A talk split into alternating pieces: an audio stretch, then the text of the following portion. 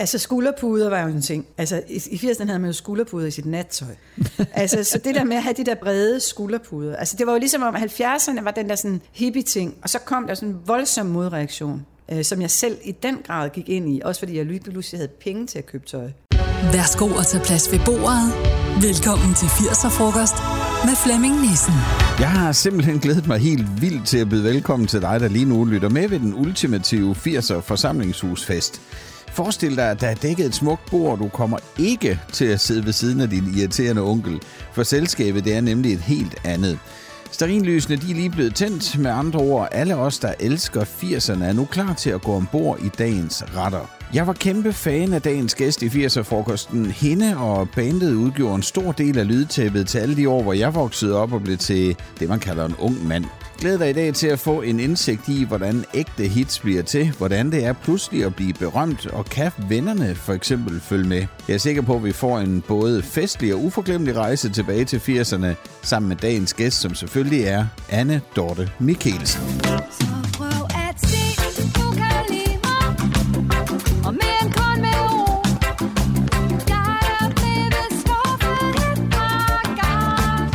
Dorte Mikkelsen, hvis du skal sætte et enkelt ord på 80'erne, eller måske to-tre stykker, hvad bliver det så for nogle ord?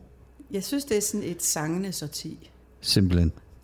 Øh, Det er jo en frokost, det her. Menuen, den er gode minder, øh, men faktisk så har du også en rigtig 80'er-ret med, øh, og, og jeg vil ikke kaste mig ud i at at udtale den her, så det får du selv lov til. Hvad er det, du har med? En, en salat niçoise. Ja. Det blev sådan, øh, kan man sige, begyndt at blive moderne at spise salat i, øh, i, øh, i 80'erne. Og øh, noget af det mest avancerede, det var jo den her franske, klassiske franske ret, en salat niçoise. Det var sådan, når det, når det virkelig var smart i 80'erne, ikke? så spiste man det. Gør du stadigvæk det nogle gange? Jamen, det, det er jeg faktisk begyndt lidt på igen, lige på det seneste. Sådan øh, er, er tingene jo cirkulære. Jeg var faktisk i Paris for to år siden. Der havde jeg sådan lidt svært ved at finde det kvarter, jeg boede. Der var der kun udenlandske restauranter. Jeg ville jo gerne have noget fransk mad, og så gik jeg ind på sådan en klassisk, helt fuldstændig klassisk bistro med sådan en gammel tjener, der gik rundt. Og der på menukortet var der en salat niçoise, og så tænkte det skal jeg simpelthen have. Og den var virkelig god. Ja, så, så har jeg også mødt den, kan man Ja. sige. Øh, Hvad kunne man typisk øh, forvente at få øh, serveret på 80'er frokostbordet hos dig, hvis, man, hvis det ikke lige var den her salat? Altså, hvad, øh, hvad, hvad? Jeg vil sige, at frokostbordet var ikke en ting, som jeg prioriterede højt i 80'erne. Nej. For jeg var jo ikke sådan på den måde familiemenneske, og jeg synes måske også godt, man kan sige, at det klassiske frokostbord har jo måske heldigvis ikke, egentlig ikke forandret sig så meget. Der er jo en tradition og en kultur der med sild og, og, og, og de lune, og det, det synes jeg, der er noget meget smukt ved. Det er jo ligesom salaten i Soisen i Paris, ikke? Det er jo en klassisk dansk kulturel ting, en dansk frokost. Altså. Så hvad jeg egentlig spiste til frokost, det har vist været lidt tilfældigt. En rugbrødsmad, du. en ostemad. Det der røg lige i farten. Ja, lige, lige man kom forbi, ikke? Ja. Ja. 80'er-frokost. Vi kender dig jo faktisk øh, særdeles godt fra 80'erne, vil jeg godt sige. Men hvad lavede den private Anne Dorte, når hun ikke lige øh, stod i studiet eller var på scenen? Der var faktisk ikke ret meget tid, fordi samtidig med, at jeg jo spillede på det tidspunkt først i Tøsedrengene, og så siden både som solist og i Tøsedrengene, så læste jeg jo også til journalist. Og jeg havde et lejet værelse i Aarhus og pendlede især i starten første halvdel af 80'erne frem og tilbage mellem Aarhus og København for at gå på journalisthøjskolen. Og når jeg så lige så snart jeg havde tid til over, så var jeg jo i studiet ude på Frederikssundsvej eller ude at spille koncerter. Dengang brugte man faktisk ikke så meget tid på PR, som man bruger i dag. Nu sidder jeg også her. Altså, øh, der var sådan en proportionalitet imellem, hvor meget tid man brugte på PR, og hvor mange plader man solgte. øh, så, så, øhm, så jeg havde egentlig ikke særlig meget privatliv, men jeg havde jo ikke børn, så derfor holdt jeg jo fester, gik jeg jo i byen, og hang jeg jo ud, og havde kærester og, og, og, og venner, og, og, men jeg arbejdede virkelig meget. Altså det var især i tiden med tøsdreng utrolig koncentreret. Det her er 80'er-frokost. Anne du startede med at skrive sange i dine år på gymnasiet i 70'erne faktisk, øh, men det blev ret hurtigt alvor, da du kom ind i 80'erne. Hvordan var det pludselig at stå med sangen Sig du kan lide mig, og så bare blæse os alle sammen bagover? Lige allerførst så startede jeg faktisk med at skrive sange som 8-årig. Som så det var lidt før gymnasiet. Ja. Ja. ja. Jeg har en sang stående i en sangbog, som jeg skrev, da jeg var 8 år. Det var vildt. Ja, det er lidt vildt. Men, men øhm, bortset fra det, så øh, er det rigtigt, at øh, mit gennembrud som sangskriver var med med Sidu Kalima, hvor jeg jo sang og skrev teksten. Og det var jo selvfølgelig sådan et af de der, en af de der 100 års hændelser, han har sagt. altså det afgørende tidspunkt i mit liv, og selvfølgelig fuldstændig sindssygt at være så ung og få så stor succes på så forholdsvis kort tid og så uventet. Det er jo ligesom at hoppe ud Altså, jeg ved ikke, hvad det er. Det er jo sindssygt. Ens liv tager jo den sindssygeste koldbøtte. Og i modsætning måske til mange andre, altså du kan sige, du kan også blive meget kendt fodboldspiller, men der kan der måske være sådan lidt, lidt tilløb. Altså, du har været udtaget til ungdomslandshold eller et eller andet, men her kommer man ligesom som mig, og selvom jeg skrev musik og sang, og havde en anden idé om, at det, det kunne jeg godt, og det har jeg egentlig aldrig været i tvivl om, jeg godt kunne, jeg har aldrig set det som et erhverv. Også fordi jeg kendte ikke nogen, der levede af at lave musik. Og i hele taget var der faktisk heller ikke så mange, der gjorde det på det tidspunkt. Altså, vi havde gasolin, vi havde Superdua, og så var der måske Sebastian. Altså, der var nogle... Altså, det kunne måske tælles på en hånd af dem, som man ligesom havde kendskab til, som man forestillede sig, havde en eller anden indtægt ud af det, som kunne ligne noget, man kunne gå ned og købe mad for. Altså, men, men, men i min verden var musik noget, man lavede, fordi man ikke kunne lade være, og fordi det gjorde man bare. Og, og, og sådan var det bare. Og jeg skulle da have et band, og jeg skulle da, og så videre. Og så blev jeg pludselig Shanghai af de der tøsdrenge, gutter, som var langt mere målrettet, end jeg var jo. Og meget mere business-bevidste. Øh, de havde jo en pladekontrakt, og de, de havde jo ligesom en idé med det. Altså jeg tror for dem, som var de der 5 til 10 år ældre end mig, der tror jeg nok, at det var anderledes. De så det anderledes som også en en karriere og noget, man kunne leve af. Men det gør jeg slet ikke. Må du indimellem sådan lige stoppe op og, og tage, er det her virkelighed? Altså? Nej, det, det var der ikke tid til. det var det simpelthen ikke. Altså, der var ikke tid til at stoppe op. Da det først kørte, så var der kun én ting at gøre, og det var at løbe med så hurtigt man kunne. Og det oplevedes ikke som stressende, fordi at det jeg skulle gøre, jeg skulle skrive alle de her tekster, jeg skrev også lidt musik, men primært tekster, og vi producerede et album om året. Og så skulle de indspilles, og så skulle der laves cover, og så skulle vi på turné. Det var som regel en uge efter pladen var udkommet, så skulle vi så afsted på turné. Og så spillede vi turné, og så gik man i gang med de nye sange, og så skulle man ud og spille om sommeren. Og så begyndte jeg også at skrive sange til min egen solokarriere midt i det hele. Og, øh, altså, så det var ikke noget... Det er først bagefter, synes jeg, i virkeligheden med det på lang afstand, at jeg har givet mig selv tid til at, at tænke over, hvad var det lige, der skete med dit mm. liv der, og hvad har det egentlig betydet? Og det tog mig mange år at lande på benene bagefter. Altså at finde ud... Altså fordi det er jo ligesom, altså det er jo ligesom, der kommer nogen ind på din byggeplads og, om natten og roder rundt på det hele, og når du så kommer næste morgen, så er der ingenting, der står, hvor du efterlod der. Dit, dit, dit liv, du kan slet ikke genkende det, og du kan slet ikke forstå, at du ikke kan gå ned efter en liter mælk, og, uden at, at folk stemler sammen. Altså fordi, du ved, sådan var det jo den der form for superstjernestatus. Altså, fordi en ting er at være kendt, det er jeg jo sådan set stadigvæk, det har jo ikke nogen, det giver mig ikke nogen problemer, eller hvad kan man sige. Det er bare glad for, at der er folk, der kan lide min musik, men, men dengang var det sindssygt, og det var, ikke, det var ikke bare sjov, men så længe at det kørte, især så længe jeg var inden for rammerne af tøsdrengene, der var det mere håndterbart, fordi vi ligesom var et, en gruppe, og vi beskyttede på en eller anden måde hinanden. Da jeg så gik ud og blev solist, blev det vanskeligere. Jeg kan huske, at jeg fik en af jeres plader, den var blevet skæv. Øh, Det er muligvis derfor, jeg fået lov at få den. Øh, Og så skulle jeg høre den på min pladespiller, og så måtte jeg sætte Lego-klodser fast ovenpå pick-up'en, for at den ikke hoppede rundt på pladen. Ikke? Øh, Hvordan hørte du musik derhjemme? Altså, Pladespiller. også pladespiller. Ja, der var jo ikke, vel, var vel, hvis folk kan sætte bånd, men, men ej, pladespiller. Man kan også have en Sandberg spolebånd optaget, det havde der var helt lille, ikke? og optog Ja. fra radioen og sådan noget, ikke? men, Ja.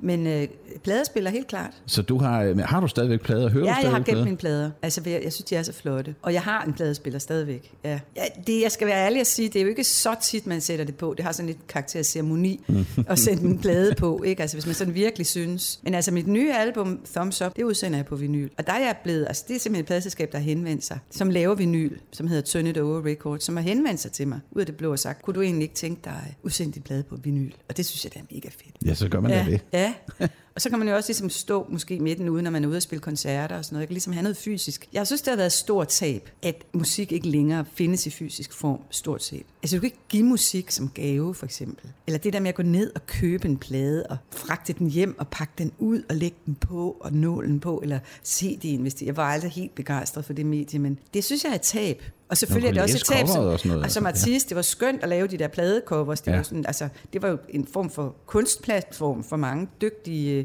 kunstnere og designere at lave de der covers. Og Tøsedrengens covers var jo ikoniske, som Peter Ravn lavede. De var helt fantastisk gode, synes jeg. Med de her sådan grynede fotos af, Ja af små børn og, øh, og sådan meget øh, dybe, synes jeg faktisk. Og spillede hele tiden med det der navn Søsedrengene, ikke? Ja den der lille dreng, der sådan er en lille smule uden for fællesskabet på en eller anden måde. Ikke? Og søger. Altså man kan sige, det var underligt for mig at komme med i et band, der hed Tøsedrengene, som kvinde. Øh, fordi navnet var jo opfundet, før jeg kom med. Og Ja. bandet var opfundet, før jeg kom med. Og jeg, jeg slog mig i tøjet. Det må jeg altså indrømme. Men man kunne ligesom, der var ligesom ikke nogen vej tilbage. Det hed orkestret. Og med tiden kom jeg til, egentlig til at godt kunne lide den der. Det er jo sådan en markering af den her lille dreng, som, som er lidt mere følsom, og som, som, som egentlig står lidt uden for fællesskabet. Og jeg synes egentlig også, det er meget sådan, det er, tror jeg, for mange. Jeg står jo at sige kunstnere, men mm. altså folk, der skriver musik, folk, der gør ting og sager, de står måske tit sådan lidt marginalt i forhold til fællesskaberne. Og det er så deres nøgle ind til fællesskab, kan være deres sang. Når man synes måske, jeg er lidt irriterende, men så hør den her sang.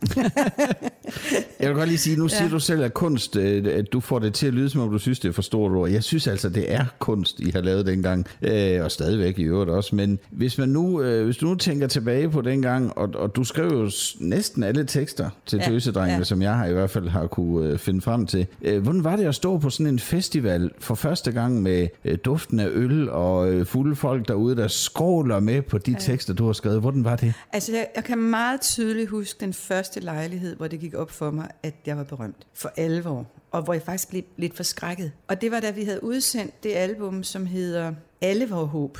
Altså, vi udsendte træeren. Altså, først kom Sidu Kalima. Så kom træeren, hvor vi havde ud under åben himmel på en lørdag. Og der begyndte det sådan virkelig at køre op, ikke? undervejs, altså vi udsendte, altså begyndte vi at spille, og der kom ligesom flere og flere og flere, det blev mere og mere vildt. Men så gik vi jo tilbage i studiet, og så lavede vi alle vores håb, og så udsendte vi den, og så tog vi på turné nærmest ugen efter. Og der kom vi ned en halv i Næstved. og, på det, der, der, og så kom vi ind på scenen, og så startede vi koncerten med at spille Vi var engang så tæt, som havde været ude på det tidspunkt i 4, 5, 6 dage. Og så den der fuldstændig propfulde hal, de skrullede med på det nummer. Og jeg var, jeg var virkelig paf. Jeg tænkte, de kan, hvordan kan de kende den? Men de havde jo ligesom, fordi vi ligesom, vores berømmelse, den havde jo sådan ligesom, hvad kan man sige, den var ligesom vokset så hurtigt, så de har været nede og købe det album den dag, det udkom, og så har de jo allerede hørt den 100 gange. Ja. Og, og som i Næstved, og sådan var det jo alle steder. Og det blev faktisk lidt forskrækket over, kan jeg huske, fordi lige pludselig følte jeg, gud, de har da slet ikke brug for mig. Altså, man er jo også sådan lidt selvoptaget, især når man ikke er så gammel. Og jeg var jo ligesom vant til, at det var mig, der sang. Ikke? Ja. Der kom en lort og synger, ikke? Og lige pludselig så stod der ligesom et eller andet tusind eller to tusind, jeg ved ikke, hvor mange der var, mennesker, og sang højere. De kunne faktisk godt selv. De kunne altså. faktisk godt selv. Og jeg kan huske, jeg tænkte, jeg kan da også bare gå. eller jeg kan huske, jeg tænkte, det er jo også lige meget, om jeg er syg, eller om jeg er hæs, eller... fordi det betyder ikke noget. Lige der føltes det ubehageligt, men når jeg tænker tilbage på det, så tænker jeg, at det er jo i virkeligheden det, som enhver sangskriver ønsker sig, og som er, hvad kan man sige, succeskriteriet for en sangskriver, er jo, at sangene ligesom, kan man sige, flytter hjemmefra, at, at de forlader dig og bliver til folks, altså til, til folks sange, som folk bruger, som folk synger, som folk øh, holder af, og som folk har en oplevelse med, eller føler sig genkendt i, eller kan identificere sig med. Og lige siden har det altid været sådan mit. Der var en dame, jeg spillede en koncert i, i forgårs, en gammel dame i en kørestol, hun var utrolig sød, så sagde hun til mig, Lotte, du har sådan en dejlig stemme, og så synger du noget, som folk kan forstå. Og det der med, at folk kan forstå det, det kan jeg virkelig godt lide. Jeg kan virkelig godt lide at synge en sætning. Vi var engang så tæt. Jeg danser kun for dig. Alle er med. Mm. Alle ved. De kan også mærke inde i hjertet, den der, uh, det var ikke så godt. Ja. Der er ja. et eller andet her, ikke? Ja. Øh, og, og, og al, deres, al deres egen ulykkelige kærlighed. Og det er det, det handler om. En sang går fra sind til sind, eller fra, fra sjæl til sjæl i den direkte vej. Så det er jo det, man oplever første gang, publikum skråler med som sindssyg. Det er jo, at sangen har forladt en. Og det er jo smukt. Og det er jo det, den skal.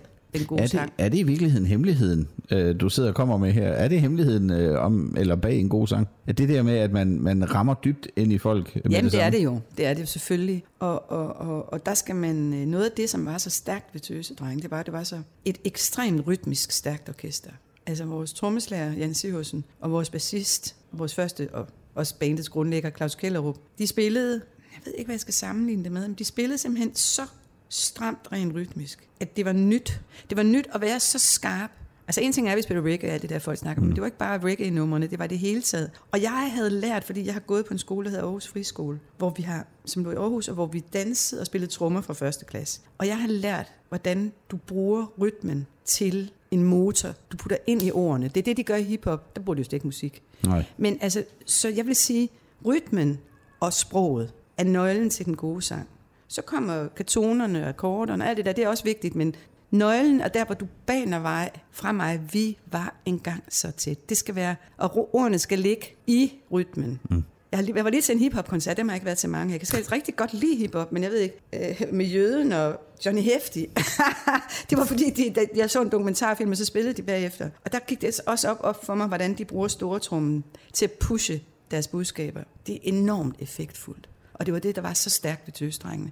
Og det er et punkt, hvor tøsdrengene skiller sig ud fra mange andre 80'er bands ved at være så rytmiske. Øh, og vi havde også Henrik Stanley Møller, som også er sådan en, der ikke kan stille et og, og klaver forkert. Altså, det er, det er umuligt for ham. Altså, så det sad, det blev kaldt grundbåndsfabrikken i tøsdrengene. Okay. Det var altid dem, der indspillede, når vi lavede plader. Så gik de tre ind. Stanley, Jan og Claus. Og så lagde de ligesom grundsporet. Det var sådan, man indspillede dengang. Og så kørte resten. Så kom resten ovenpå. Guitar, keyboards, kor, sang, whatever. Det kom bagefter. Men det vigtige, det der med bunden. Og der var ingen kompromiser der. Det sad virkelig, hvor det skulle. Det her er 80'er frokost. Du har jo taget fire 80'er hits med til øh, dagens frokost. Øh, Det første nummer, vi skal høre, det er Trio med The Pain of Loving You fra 1987. Uh, skønt. Hvad vækker det for nogle minder i dig? Det er nummer, du, men du smiler med det samme. Ja, men det, altså, det er jo de her tre fuldstændig fantastiske kvinder, Emmylou Harris, Linda Ronstadt og Do- Dolly Parton, som lavede, de lavede kun det ene album, hvor de synger sammen. Og jeg, jeg mindes det, jeg boede i kartoffelrækkerne, og jeg mindes sådan nogle sommerformiddage, hvor jeg satte det på pladespilleren og åbnede døren ud til haven, og så... Så dejligt. Oh, the pain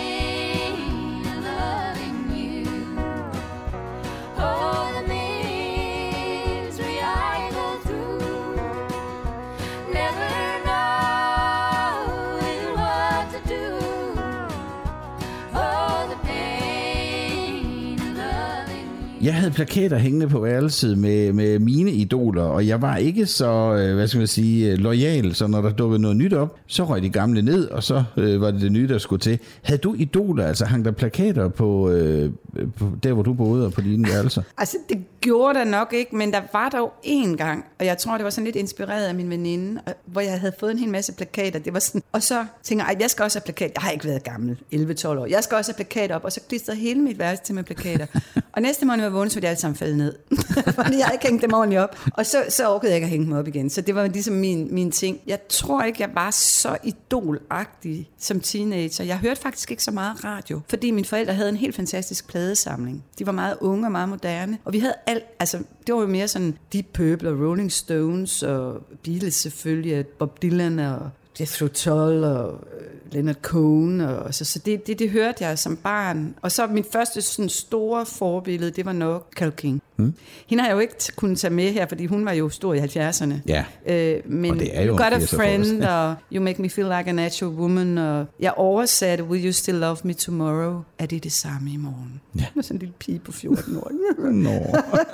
og, øhm, og jeg tror, fordi hun er pianist, og det er jeg jo også, og var en kvinde, og skrev, hun skrev også meget rytmisk. Carole King, hun er jo også ud af den der, altså de fleste amerikanere skriver faktisk meget rytmisk, fordi de er så meget, det er sådan en smeltedil, og de har den sorte musik så tæt ind over, så, så de, jeg tror faktisk ikke rigtigt, de kan, helt kan finde ud af ikke at skrive rytmisk. De skriver stærkt. Hun, hun var mit store, jeg vil ikke sige, jeg, hun er ikke mit, jeg dyrkede hende ikke som idol, men mit, mit musikalske forbillede, da jeg begyndte at skrive sådan rigtig for alvor, det var hende. Tror du det, at dine forældre havde plader, I ikke hørte så meget radio, det har gjort, at, at dine øh, døre ind til musikken er åbnet på en anden måde, end os andre, der var underlagt øh, musikchefer og studieværters øh, luner? Ja, altså det, det tror jeg faktisk. Men der var mange ting i min opdragelse, også, den skole, jeg gik på, som ligesom hjalp mig og satte mig på sporet. Men også det, at mine forældre anskaffede et klaver og stillede det op i vores hjem. Og hvis jeg, hvis jeg rakte hånden op og sagde, jeg vil gerne have en guitar, buff, så var der en guitar. Så jeg blev meget sådan, og de var meget sådan, øh, og de havde også en lidt moderne idé om børneopdragelse, i hvert fald på det tidspunkt, at børn skulle have lov at følge deres lyst og gøre. Jeg blev ikke sendt til klaver. Altså jeg fik lov selv at sidde og, og klimpe op og ned på klaveret, og så viste min mor mig, at tegnede hun noget på et papir. Så tegnede hun på tangent tangenterne, så kunne jeg sådan ligesom følge rundt. Ah, ja. Og så sidenhen begyndte jeg, så lærte jeg et par akkorder.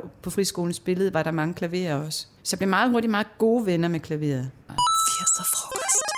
Med mig ved 80'er-frokostbordet i dag, der har jeg Anne Dorte Mikkelsen, og Anne Dorte midt i alt det der livlige, og måske også øh, indimellem lidt vilde musik, så kom der i 1983 en helt anden Anne Dorte Mikkelsen ud på øh, hylderne i pladebutikkerne. Øh, du gik faktisk det, man i, måske vil kalde akustisk, altså i hvert fald meget, meget stille. Hvordan kan det være, du skiftede retning der? Altså hvad foregik der ind i dig på det tidspunkt? Jeg var kommet med i Tøsedrengene, og det var drengenes orkester. Det var deres musik, og jeg skrev teksterne, så nogle få melodier. Men jeg havde allerede, inden jeg kom ind i Tøsedrengene, mit eget band, og jeg havde allerede, inden jeg kom ind i Tøsedrengene, og undervejs i Tøsedrengene, skrev jeg min egen musik. Men der var ikke rigtig så meget brug for min musik i Tøsedrengene, for der var så mange komponister, og de stod oven på hinanden for at få deres numre på de der plader. Hver gang der var 10 numre på sådan en plade, så var der jo så meget kamp om pladserne. Så hvis jeg kunne få et nummer med, som jeg havde skrevet, så var det højden. Mm. Men der var ingen, der kunne skrive tekster rigtigt. Så det er jo klart, jeg gik jo ligesom ind i den sammenhæng. Og der var heller ikke, der manglede også sangere. Der manglede også, øh, altså, jeg gik ind altså, og tog de tomme stole i det orkester.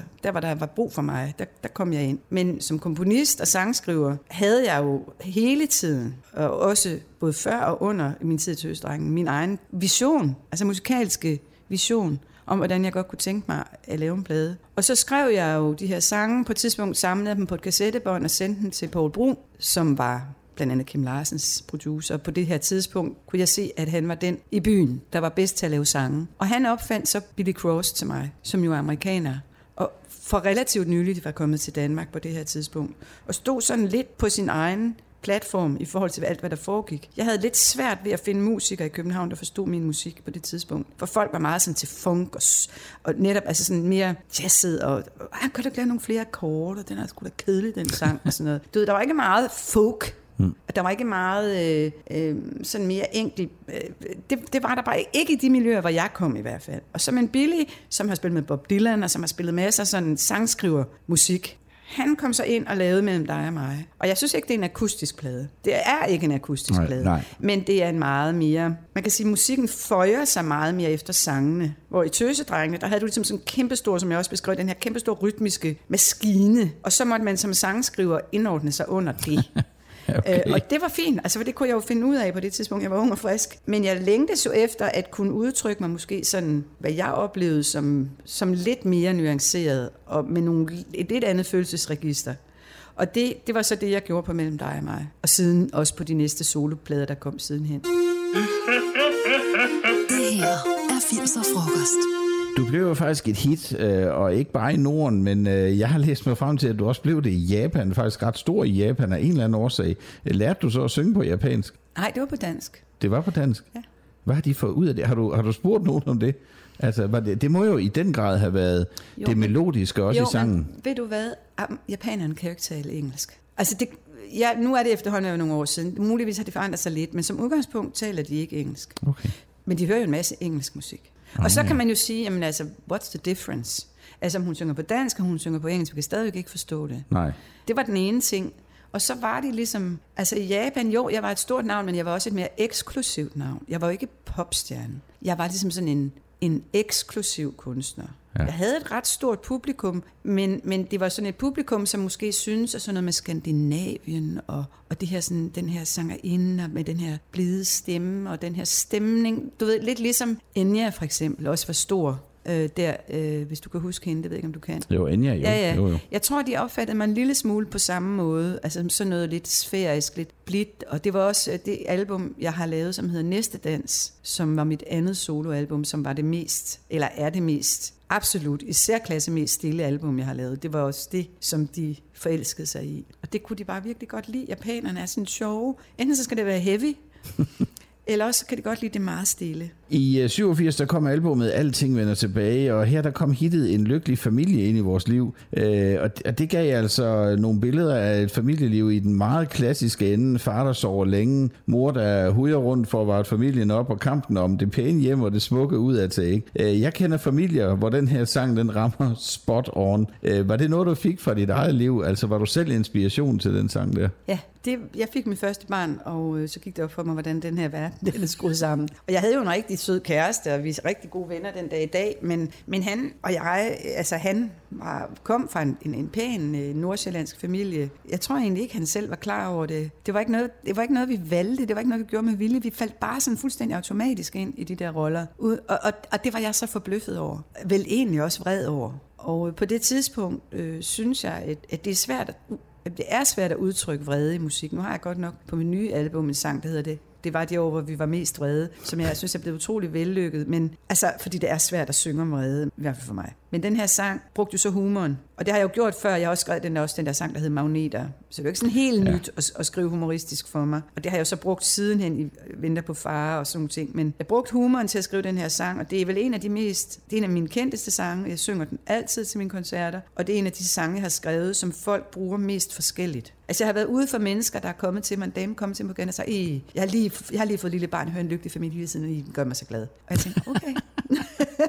og så har jeg været ude for en filminstruktør, der kom hen til mig, en kvindelig filminstruktør, og sagde, hvorfor du lavet den der sang, sådan, du udskammer jo også, der ikke har nogen familie. Så var jeg også bare sådan, nå, okay. Ja, det kan jeg heller ikke følge. Nej, det og så har jeg mødt folk, der græd, når de hørte den, for de synes, det var så sørgeligt. Den fortæller mange historier, den sang. Og det, det tror jeg er den styrke, samtidig med, vi, snakkede, vi har snakket om det her med, at det er vigtigt, at man forstår en sang. Ja, Lige med det samme. I hvert fald for mig. ja. Men der kan der jo godt være nogle andre ting, som man først opdager lidt senere. Ja, der er på spil i sangen. i det, ja. ja, der er nogle lag, ikke også? Ja. Altså, at det ikke er bare, altså, det er jo ikke bare talesprog. Det er en, en sang, at skal være mundret, men den må gerne indeholde nogle, nogle lag, selvom den er nem at forstå. Jeg lige sige, nu nævnte du selv Magneter, det er jo også en utrolig øh, fed sang, og den, den, øh, den giver vel også sådan en lille tegn til, at man, man skal let rumpen, ikke? Er der noget? Er der lidt, øh, nu, er der siger en du, nu siger du et lille tegn. Ja, et ja, men den tegn, handler ja. jo om mig selv. Den handler om, hvorfor jeg ikke vil have en sofa. Ja. Altså, jeg havde den her underlige ting, da jeg var meget, meget ung. Det er en af mine aller, aller tidligste sange, sjovt nok. Jeg tror ikke, jeg var fyldt 20, da jeg skrev den. Og jeg boede ude af Øre Stationsby med min kæreste. Der var vi endt ude. Det var helt skørt. I sådan en treværelses lejlighed. Vi havde ingen møbler. Vi vidste ikke, hvad vi skulle putte ind i den. Vi havde to senge øh, og en stol eller sådan et eller andet. Og så kan jeg nemlig huske, altså det lå os så fjernt at køre ud i IKEA og købe møbler. Jeg ville simpelthen ikke have en sofa. For jeg var bange for, hvis jeg rykkede en sofa ind i den lejlighed, så ville mit liv være slut. Fordi så tænker jeg, så er jeg ligesom bare borgerlig, og så bor jeg her i en lejlighed med min kæreste, har jeg en sofa. Og det var jeg åbenbart så bange for. Altså simpelthen bange for at blive borgerlig. Og, og det er så skørt at tænke på, fordi hvis der er noget, mit liv ikke har været, så er det stillesiddende og Ja. borgerligt. Og jeg kan ligefrem tænke, det havde måske ikke gjort noget, men en lille sofa lige der, det havde måske slet ikke været det værste, der kunne have været sket i mit liv. Men jeg var regulært bange for at få en sofa. Altså, bange. Jeg jo ikke sådan. Jo, jo, Jeg, jeg nej, om natten, badet i sved, men altså, jeg skulle i hvert fald ikke have en sofa. Nej. Har du fået en sofa? Ja, ja, jeg har haft tusind sofaer siden. Altså, men men, øh, men, men der, der på det der tidspunkt i mit liv, der skulle jeg i hvert fald ikke have en sofa. En hjørnesofa. Jeg havde en veninde, der havde en hjørnesofa. Jeg kunne ikke forstå. Så, hvor gammel er det, du er? Jeg tænker, det er sådan, man får, når man er 50. Sådan tænkte jeg. Det her er 80'er frokost. Du har taget et nummer mere med, som vi skal høre. Hvad er det, vi skal høre nu? Det er Eurythmics med Annie Lennox og Sweet Dreams Are Made of This. Hvorfor har du valgt lige det nummer? Altså, hvad er det, der har gjort det? Jeg synes, at Eurythmics, og især Annie Lennox, er en af de, altså hun er en af de mest cool kvinder i musikbranchen i min tid. Også hendes senere soloalbum, Stiva og Medusa. Altså, det var noget af det mest elegante popmusik, der blev lavet, synes jeg. Og hun var jo også sådan ikonisk, sådan rent stilmæssigt, utrolig spændende kvinde. Og så har jeg sådan oplevet vi dem ret tidligt, at hvis jeg opdagede mig og min kæreste, vi var ude og høre dem i Falconer-salen. Øh, en stående koncert, hvor der måske var 100 mennesker, eller 200. Altså Ja, virkelig okay. ikke ret mange mennesker. Lige starten af deres karriere. Og så kom vi faktisk, havde vi sådan en meget stor rejse til USA. Efter jeg havde udsendt mellem dig og mig i 83, så rejste vi til USA og boede der i nogle måneder. Og der oplevede jeg simpelthen hiphop for første gang, breakdance for første gang, stand-up for første gang. Og så var vi oppe og besøge MTV. MTV. Det havde vores pladeselskab ligesom på en eller anden måde gjort, at vi kunne komme op. Og der var, der, der var det lige startet øh, musikvideoer. Og vi var også nogle af de første, der lavede musikvideoer. Og Peter der, som er jo sådan designer og sådan, han lavede musikvideoer. Og så var vi oppe og besøge dem. Og så viste de os den nye video med Eurythmics, som var Sweet Dreams Are Made of This. Så den sad vi deroppe og så, inden den sådan var, var kommet ud. Ikke? Og, og det var jo kæmpe inspirerende. Altså kæmpe, kæmpe stor ting at komme til USA på det tidspunkt. Sweet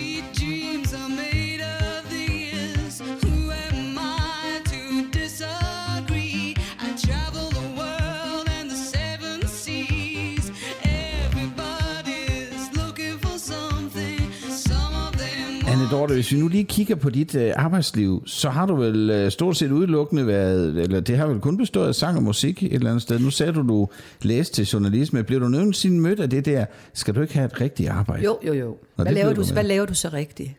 Sagde de, og så sagde de, kan man leve af det? Og det var meget sjovt, ikke? Men, men der er jo ikke noget at sige til det, fordi det var jo så, så nyt. Man bliver mødt af mange sådan nogle bemærkninger, og øh, jeg tror, nogle gange, når folk siger sådan nogle ting til mig, som sker også dengang jeg var ung, så bliver jeg bare sådan lidt desorienteret. Hvorfor siger han det?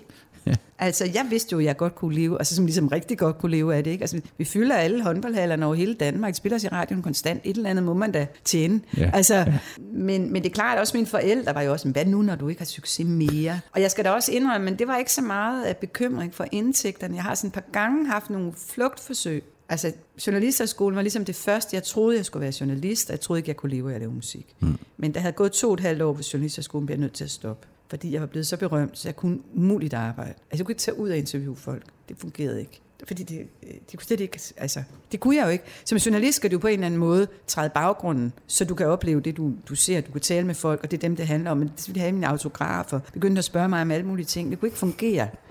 øh, og jeg havde heller ikke tid.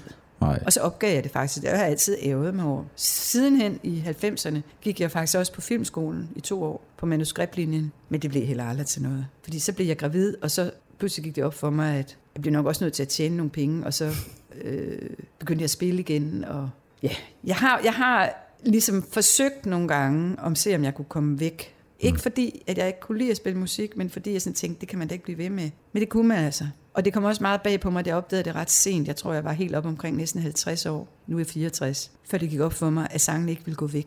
Jeg, jeg havde, tror, jeg havde en idé om, at de ville forsvinde. Det gør de aldrig. Nej, men det troede jeg. Og, det, og ved du, hvordan det gik op for mig, at sangen ikke ville gå væk? For det var nemlig sådan et øjeblik. Og jeg gik fra mit hus, jeg boede på det tidspunkt i Havsgårdby. For at komme ned til stationen, så skulle man igennem skolen, skolegården, så gik man ligesom ind igennem skolen. Og der stod et vindue åbent, og så hørte jeg nogle børn synge, sig du kan lide mig. Ja. Og så tænkte jeg, what? Og det er underligt, fordi i alle de år, hvor jeg spillede med Venter på far, der havde vi en musiker, der hed Jens, som er seminarlærer. Og en gang imellem, så sagde han til mig nemlig, Andorla, er du klar over, at vi synger alle dine sange hen på seminariet? Nå, nå, okay. Så tænker jeg ikke mere på det. Nej. Jeg har altid været sådan lidt mærkelig på den måde, at jeg lever min egen verden. Det gør jeg altså. Jeg har aldrig sådan været inde og tjekke, hvor mange streams jeg havde. sådan. Eller, jeg har ikke forstået det. Jeg forstår heller ikke rigtig alt det digitale særlig godt. Altså, jeg, jeg bliver altid så nervøs, når jeg kommer ind i den der verden. Altså, jeg kan huske, jeg gik ind, og hvad for en sang, dengang Spotify, hvad for en sang er så den mest streamende? Nå, Se min kjole. Så blev jeg jo helt vildt deprimeret, fordi jeg tænkte, okay, folk de vil hellere høre mig synge, selvom Se min kjole fra Å Ebbe er virkelig, synes jeg, er en rigtig fin indspilning. Der er ikke noget galt med den. Men jeg kunne ikke holde ud. Jeg skulle, er jeg sådan en barnestjerne? Indtil der var nogen, der sagde til mig, det er fordi, det er børn, de streamer på en helt anden måde. Mm. Der er meget mere, øh, altså, de skal høre det hele tiden, og, og du ved, alle skal høre Se min kjole. Så det er ikke noget med det, jeg gør. Men det gjorde mig så bange for at gå ind på Spotify, for jeg blev så ked af det. Mm. Så lå jeg ved at gå ind på Spotify. For jeg forstod det ikke. 23, 80'er 58 frokost. og 30. 80'er frokost. Anne Dorte, på det her tidspunkt i programmet, der skal vi på en tidsrejse, og du må bestemme det årstal i 80'erne, øh, hvor vi skal mødes med dit yngre jeg. Hvilket år skal vi til? Ja, men altså, det er jo svært, men jeg tror faktisk, jeg må sige 1981. Ja. Hvad, hvad vil du sige til dig selv der? Er der nogle råd, eller tips, eller tricks? Formaninger måske? Altså, det, det, er jo, det er jo en sjov tankeeksperiment, fordi man kan sige, hvis jeg nu havde vidst det, hvad jeg ikke vidste på det tidspunkt, ville jeg have så gjort det, jeg gjorde. Ja. Jeg tror måske, jeg kunne have fundet på at sige til mig selv, kære søde Andorte, nu kommer der til at ske alt muligt vildt i dit liv, og det, du må bare hænge på så godt du kan. Der er ikke noget at gøre ved. Men du skal måske lige overveje, hvad du gør med pengene. måske skulle du nu skaffe dig en rådgiver, som kan hjælpe dig med det. Ikke fordi det gik aldrig rigtigt i, i kluder for mig, men øh, jeg er helt sikker på, at det havde været en, en rigtig god idé. Var der sådan lidt easy come, easy go over det? Der var i hvert fald en manglende alvor. Altså, jeg, jeg kan huske, at jeg fik min første check på 80.000 kroner i 1982. Det var mange Jeg- penge. Det, var, det er mange Det er penge, og det var ja. endnu flere penge dengang. Og jeg anede ikke, hvor de kom fra. Det var noget, der hed NCB, og det er en form for copyright. Det ved jeg så nu. Som for hver gang du solgte en plade, og hver gang man sælger et, et album, så går der 10 kroner fra til dem, der har skrevet sangene. Mm. Som så bliver distribueret ud. Så når man så sælger 100.000 plader, så bliver det til mange mm. penge. Når man har skrevet alle teksterne. Ja, Og jeg vidste, der var ingen, der havde fortalt mig det. der kommer bare Og penge. den check, den lagde jeg på mit skrivebord. Jeg boede som toværelses inde i Istegade. Og så glemte jeg den. Og så en dag, hvor jeg leder efter noget, så stod jeg på den her check. Og så forsvæver det mig, sådan nogle checks, de kan vist nok løbe ud. Mm. Og Ja, så, det ned, så, så går jeg ned og sætter den i banken til sidst. Ja. Nede på SDS, nede på Ingehaveplads. Og fra den dag af var de utrolig høflige overfor mig inde i den bank, og det, for, det forstod jeg heller ikke. Og jeg kan også huske, at jeg mødte på et tidspunkt en revisor, det var faktisk min kærestes revisor, så vil du ikke nok hjælpe mig med det her, for jeg forstår ikke de her penge. Jeg ved, jeg kommer til at lave en fejl. Og jeg, jeg, jeg- havde ikke noget at bruge penge på. Jeg vidste ikke, hvad man kunne bruge penge til. Jeg havde en cykel, som havde været dyr. Og så kan jeg bare huske, at han, han ville simpelthen ikke have noget med mine penge at gøre, men jeg skulle købe noget fast ejendom. Og så gjorde jeg det. Ja. Og så det var altid noget. Så det var det råd, jeg fik.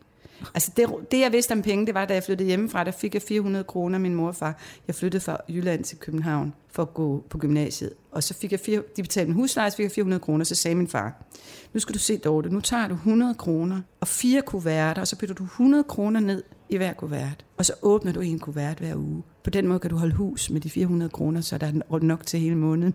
Et godt gammelt råd. Det der, er, ja. hvad jeg vidste om penge. Ja. Og min far plejede at sige, at penge er mystik.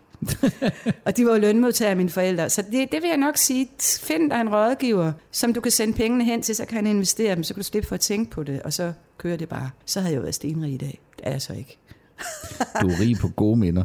Nej, men jeg er heller ikke fattig. Men, men altså, jeg tænker bare, der kom nogle penge igennem systemet i de år der, øh, og, og, og, og det var forstyrrende. Og, men, det, men det er også bare, for, det er ikke fordi, det er nogle store ting, men det er bare, når du spørger mig, hvilket råd kunne jeg have givet mig selv? Så var det måske det eneste råd. Mm. Fordi i virkeligheden tror jeg ikke, jeg kunne have brugt rådet til noget. Også fordi jeg vil egentlig sige, at jeg synes, mit instinkt var ret godt. Og det tror jeg godt, det tror jeg faktisk tit, ens instinkt er godt, når man er ung. Man tænker på en eller anden måde ikke så meget, og det tror jeg på også er meget godt. Og det var jo sangene, der tog styringen. Og det har de sådan set gjort lige siden. Jeg har løbet. Sangen har tog mig med næsen, og så har det været lige siden. Jeg har faktisk ikke selv bestemt ret meget. Jeg kunne jo ikke vide, at jeg pludselig blev Danmarks berømt. Jeg kunne ikke lige vide, når jeg lige pludselig ikke var det, eller når jeg pludselig blev det med noget andet. Jeg har aldrig været særlig, nogen særlig taktisk person. Nu kan jeg godt tænke mig, at vi lige vender os om. Vi bliver nede i 80'erne, Ja. eller jeg ved ikke, hvorfor det er nede, men henne om i 80'erne, og, og så vender vi os om, og så beder jeg 80'ernes Anne Dorte om at kigge på nutids Anne Dorte. Ville 80'ernes Anne Dorte være vild med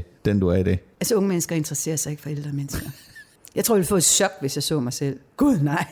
Altså, jeg kan huske, Nax, de lavede en video. Kan du huske, at de- skrev den der sang, når jeg bliver gammel? Mm. Min lillebror spillede jo i Nax i alle årene på trommer. Og der havde de jo så lavet sig selv om til gammel, og jeg kan huske min lillebror. Han ser så ikke sådan ud nu i dag, hvor han faktisk er gammel. Og det var bare sådan, åh oh, nej.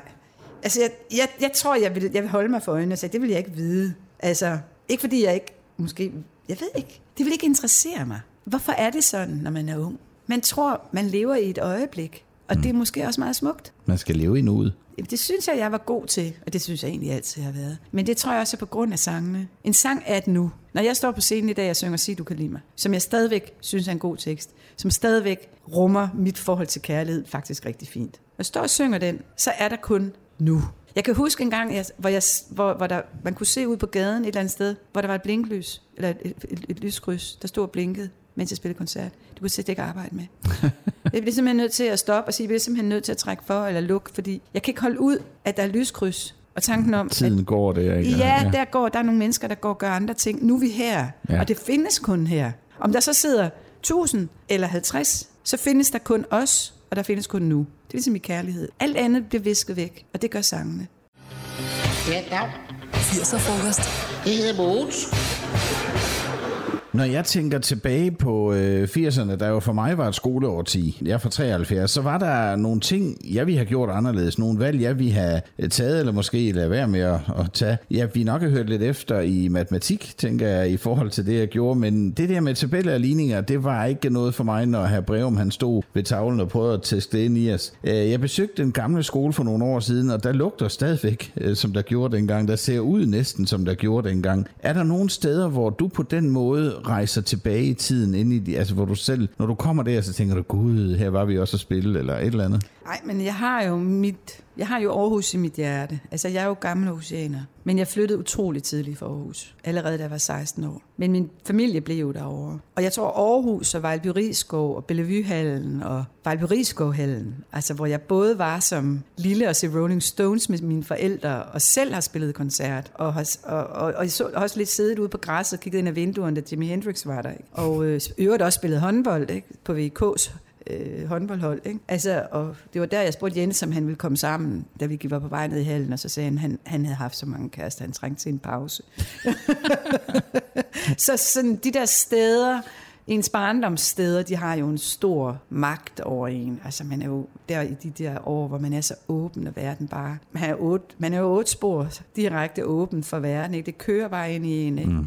Så jeg, jeg elsker at komme tilbage til Aarhus. Og Valbyri Skov, Badeanstalten, Bellevue Strand, min gamle skole, Aarhus Friskole. Jamen også bare byen, og Aarhus har jo forandret sig så helt utrolig meget i forhold til, da jeg var ung. Ikke? Men, men det er jo stadigvæk Aarhus alligevel. Ikke? Kan du stadigvæk smage øh, de gamle dage, når du er der? Eller er det, som Kim Larsen vist skrev i en sang, er det hele bare forandret? Jeg synes, i dag er det meget forandret. Jeg er jo blevet ved med at komme tilbage til Aarhus gennem alle årene. I gamle dage, og nu er vi langt tilbage i tiden, hvor Kalundborg-færgen sejlede. Mm.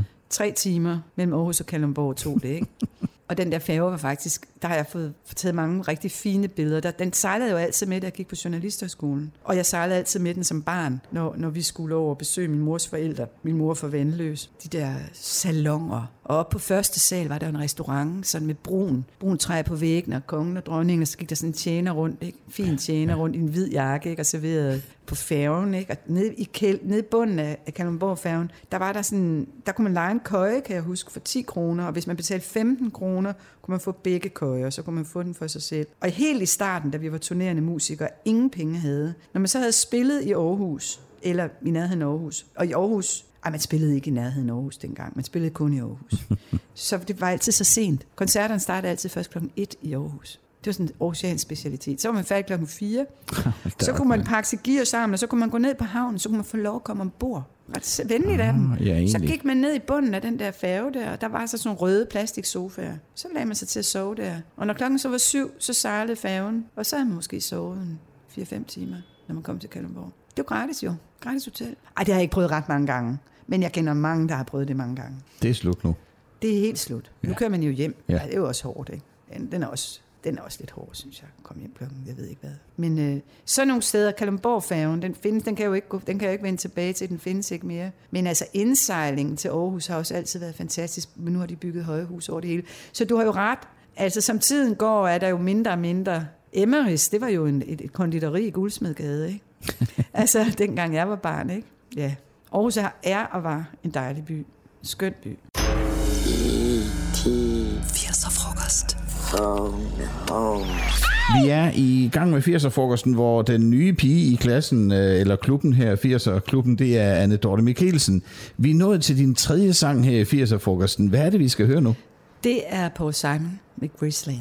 Og hvad for nogle billeder får du i hovedet, når, øh, når vi nu spiller den? Jamen altså, udover at jeg er utrolig begejstret for Paul Simon, har været til mange koncerter med ham, så lige præcis Graceland-turnéen, den, den ramte jo Orange Scene på Roskilde Festival, og det har været i omkring mm, 89-90, for jeg kan nemlig huske, at jeg var taget derned, og jeg havde min datter med, og jeg, kan, ikke- jeg var der kun for at se den koncert. Og, jeg, og min datter var ikke ret gammel. Jeg tror, hun har været tre år. Der var den vildeste smat. altså, altså det hele var kæmpe smat, og jeg havde bare sådan nogle store, øh, hvad hedder det, gummistøvler på, og så stod jeg foran scenen og bar min datter under hele koncerten, holdt hende. Nå. Og jeg ved ikke, jeg, jeg, jeg havde ikke kunnet åbenbart ikke få nogen til at passe hende eller et eller andet. Og det var en fuldstændig fantastisk koncert. Men noget af det, som jeg husker, det er, så kommer der på et tidspunkt en mand hen til mig og siger, det er for dårligt, du har dit barn med til sådan noget som det her. Det bliver jeg selvfølgelig utrolig ked af, og, og kæmpe, det er det måske det. Sådan. Men, men nu, hvor jeg sidder her fra det her udsigtspunkt i livet, så må jeg sige, at den der form for udskamning af kvinder og deres løsninger på det vanskelige, der er i at have små børn, der er jeg så færdig med. Og hver gang der er nogen, der starter på det, alt muligt med, hvad kvinder må, og hvad de skal, og må de arbejde, hvornår skal de have børn, og hvor de tager deres børn med til koncert, bla bla bla. Altså jeg var vidderlig ikke sådan en, der slæbte min datter rundt, så hun lå og sov under scenen. Altså det, det, sådan er jeg overhovedet ikke. Men jeg skulle se den her koncert, og jeg holdt hende under hele koncerten, og så skal der komme sådan en mand hen og og, og moralisere, stå og lege politibetjent over for mig. Jeg synes simpelthen, det var så ringe. Men, men, men det var en fuldstændig fantastisk koncert, og det var det hele værd, og min datter synes, det var sjovt. I'm going to Graceland, Graceland, to Memphis, Tennessee. I'm going to Graceland.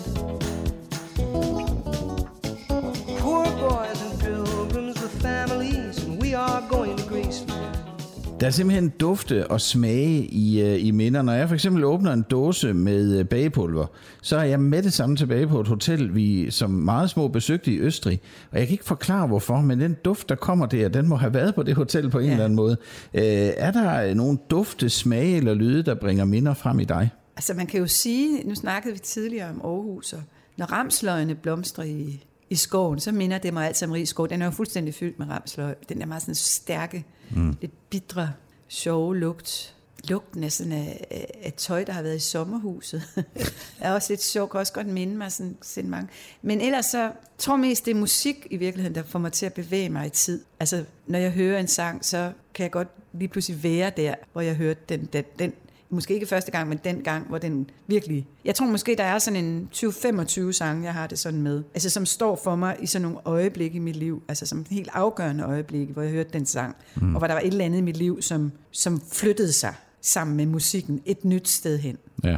Jeg bliver jo faktisk øh, næsten rørt, når, øh, når jeg hører min 19-årige søn øh, nede fra hans øh, værelse i kælderen spille for eksempel En Lykkelig Familie øh, og skråle med, øh, Ja. og nu bliver han sikkert sur, fordi jeg fortæller det, men det Ja. gør han. Den, men også andre sange fra øh, dengang, jeg synes var fede, som han nu synes er gode. Ikke? Ja. Øh, han lægger noget andet i dem, end jeg Ja, gjorde. ja. Men det er vel også, øh, det er vel også, det, det laver nye minder hele tiden musik. Altså det er jo ikke dig som sangskriver, der bestemmer, hvad jeg skal synes om den sang, altså hvad jeg skal Jamen, give mig. præcis. Og det er, jo, det er jo lige præcis det spændende. Du giver jo sangene ud, altså de flytter hjemmefra, kan man sige. De bedste af dem. De andre, dem der ikke er nogen, der gider høre, de bliver hængende.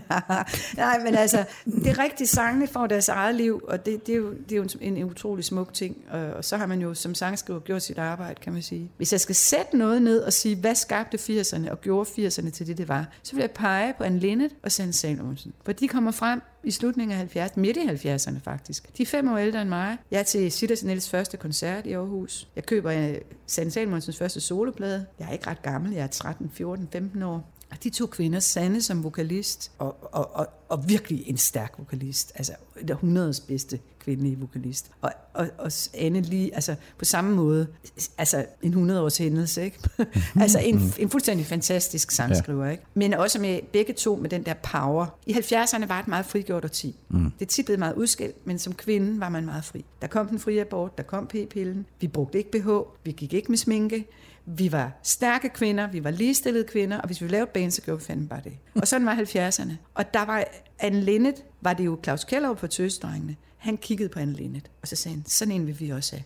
Og så fandt de mig. Det var fedt. Altså, øh, altså så det, det er Anne Linnet, ja, det kan slet ikke undervurderes. Altså, når jeg sådan skal analysere på det, hvor starter det? Fordi så kommer, så var der Rusted Kreuzfeldt, de kom også tidligt, men så kommer tøsedrengene. Og lige efter, et, to, tre år efter, så kommer Rock Casino, News, Dodo and the Dodos, One Two, Søs Finger, Nana Lytters, Ja. og sikkert alle mulige andre kvinder. Men det tøsdrengene kommer faktisk først, sammen med Snickers, hvor Sanne jo sang. Og så Sitter Chanel kommer lidt før. Faktisk fem år før. Du ved godt, hvem Sitter Chanel Jo, jo, jo, er. Jamen, det, jo, jo. Og lytterne ved de det. Ja, det Smuk og de. dejlig. Ja, det gør de. Ja, Det gør ja, de, godt. ja.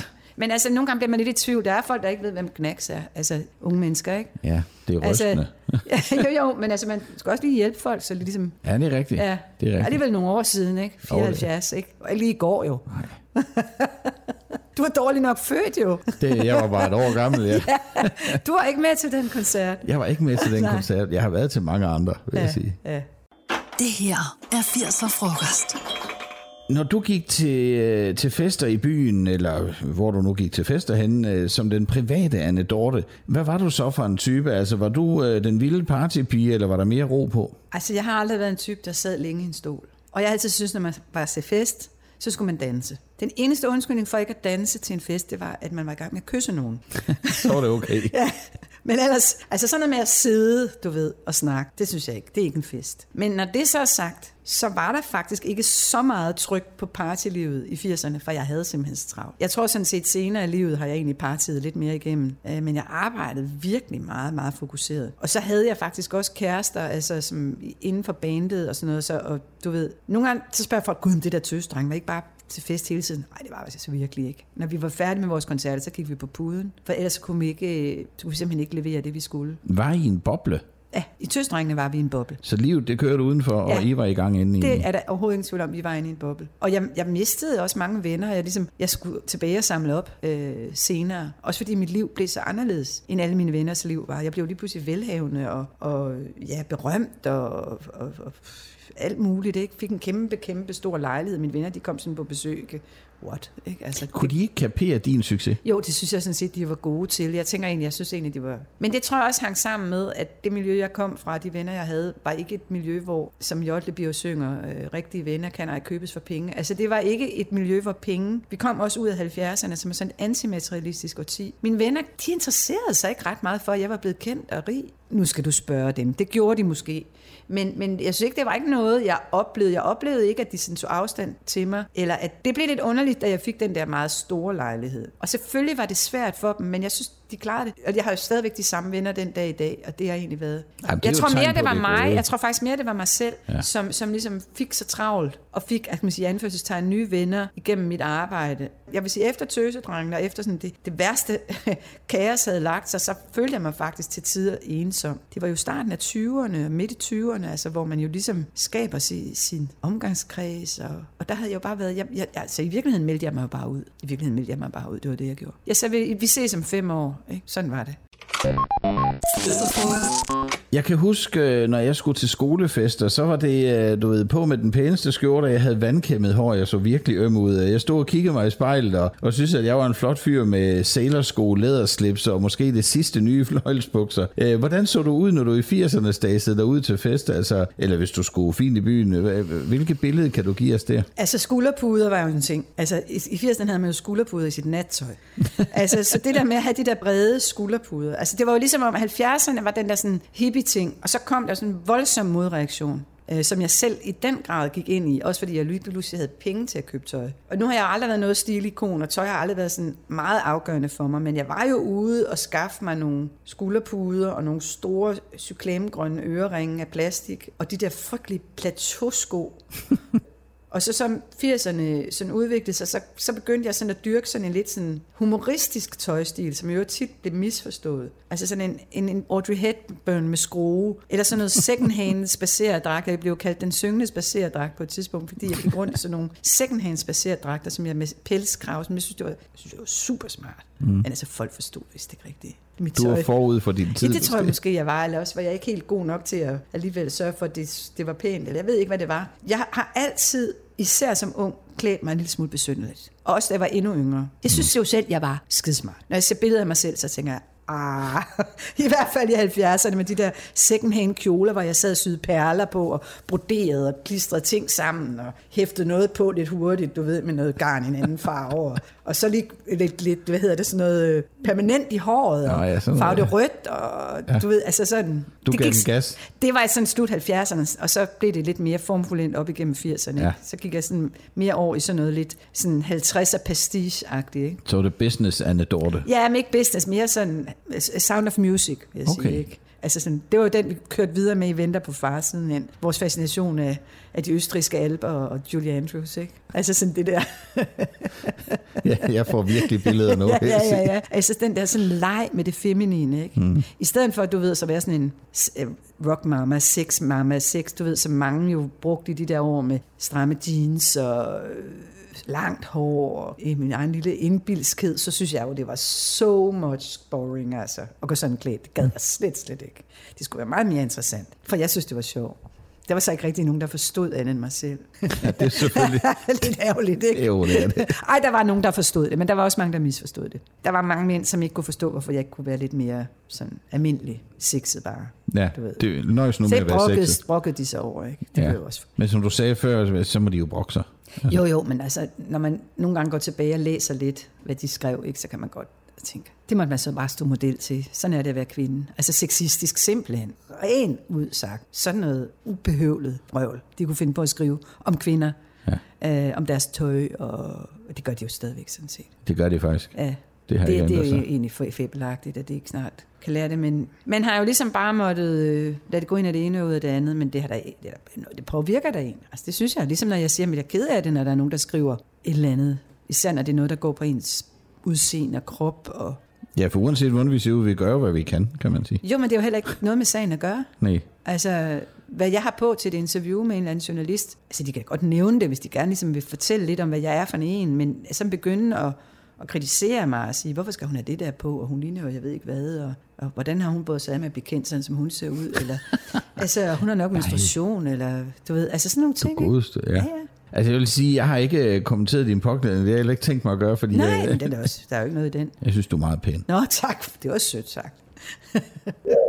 Det her er 80'er frokost. Vi er nået til den øh, sidste af dine fire sange, Anne Dorte, som du har taget med til frokosten i dag. Og øh, ja, vi har jo lige snakket lidt om det, inden øh, vi gik på her, men øh, hvor bevæger vi os hen nu? Jeg skal spørge simpelthen fra vores musikchef, var du hiphopper? Jeg er for gammel til at være hiphopper. Hvis jeg havde været yngre, så havde jeg været hiphopper. Hvad er det, vi skal høre nu? Vi skal høre, at det episke nummer, som nu er jeg ikke decideret ekspert, men i min verden udgør det hiphoppens fødsel. Jeg var til koncert med Grandmaster Flash and His Furious Five i New York i 1983, hvor de spillede The Message. Og det var første gang, jeg hørte, og de, jeg, de havde meget besynderligt tøj på, men det var første gang, jeg hørte hiphop. Og jeg tror også, det var noget af det første hiphop, der er lavet. Og når man tænker på, hvordan hiphop sidenhen har væltet verden. Hmm. Og jeg må bare sige, at det, som jeg synes er så fantastisk ved hiphop, vi var lidt inde på det tidligere, det er det her med, at det er ord, der møder rytme, og det får en enorm indvirkning på mennesker. Det har en enorm kraft. Og det var ligesom det første. Og jeg er sikker på, at havde jeg været 10 år yngre, så havde jeg været hiphopper. Men jeg er for gammel til at være hiphopper. Det kan, det kan du ikke. Det kan du ikke. Du skal have det ind der. Altså, det rytmiske, ekstremt formativt. Og det former dig fra du er 8, måske 7, og så frem til du er 14-15 år. Så er det slut. Og hvis du ikke har fået det ind, altså jeg ville ikke kunne lave hiphop. For gammel. Det kunne faktisk være meget sjovt at sætte dig sammen med en hiphopper og, og lave et nummer. Jamen jeg kan, nej, det synes jeg ikke, fordi jeg kan ikke. Det ville ikke fungere. Nej, jeg kan ikke. Altså det, men jeg tror, at hvis man satte sig ned og analyserede det, jeg laver, så vil man sige, at det minder om hiphop. Fordi det er, ordene er så rytmiske altid. Og jeg synes også, at de bedste sangskriver, vi har i Danmark i dag, er dem, som har et ben i hiphoppen. Tobias Rahim for eksempel. Vi har hende, der hedder Angående mig. Hun er ikke så kendt, helt fantastisk kvindelig sangskriver, som virkelig har forstået, at du skal bruge stortrummen for at få the message ud. My brother's doing fast on my mother's TV. Says she watches too much, it's just not healthy. All my children in the daytime, Dallas at night. Can't even see the game or the Sugar Ray fight. The bill collectors, they ring my phone and scare my wife when I'm not home. Got a bum education, double digit inflation. Can't take the train to the job, there's a strike at the station. Tænker du nogle gange over, hvad det er for en enorm arv, du har efterladt til alle os andre? Altså fordi øh, det, dine sange og jeres sange har jo sat øh, kæmpe aftryk i mig, fordi jeg jo lige tilfældigvis vokset op, da I var store. Jeg begynder så småt at tænke over det her på min gamle dag.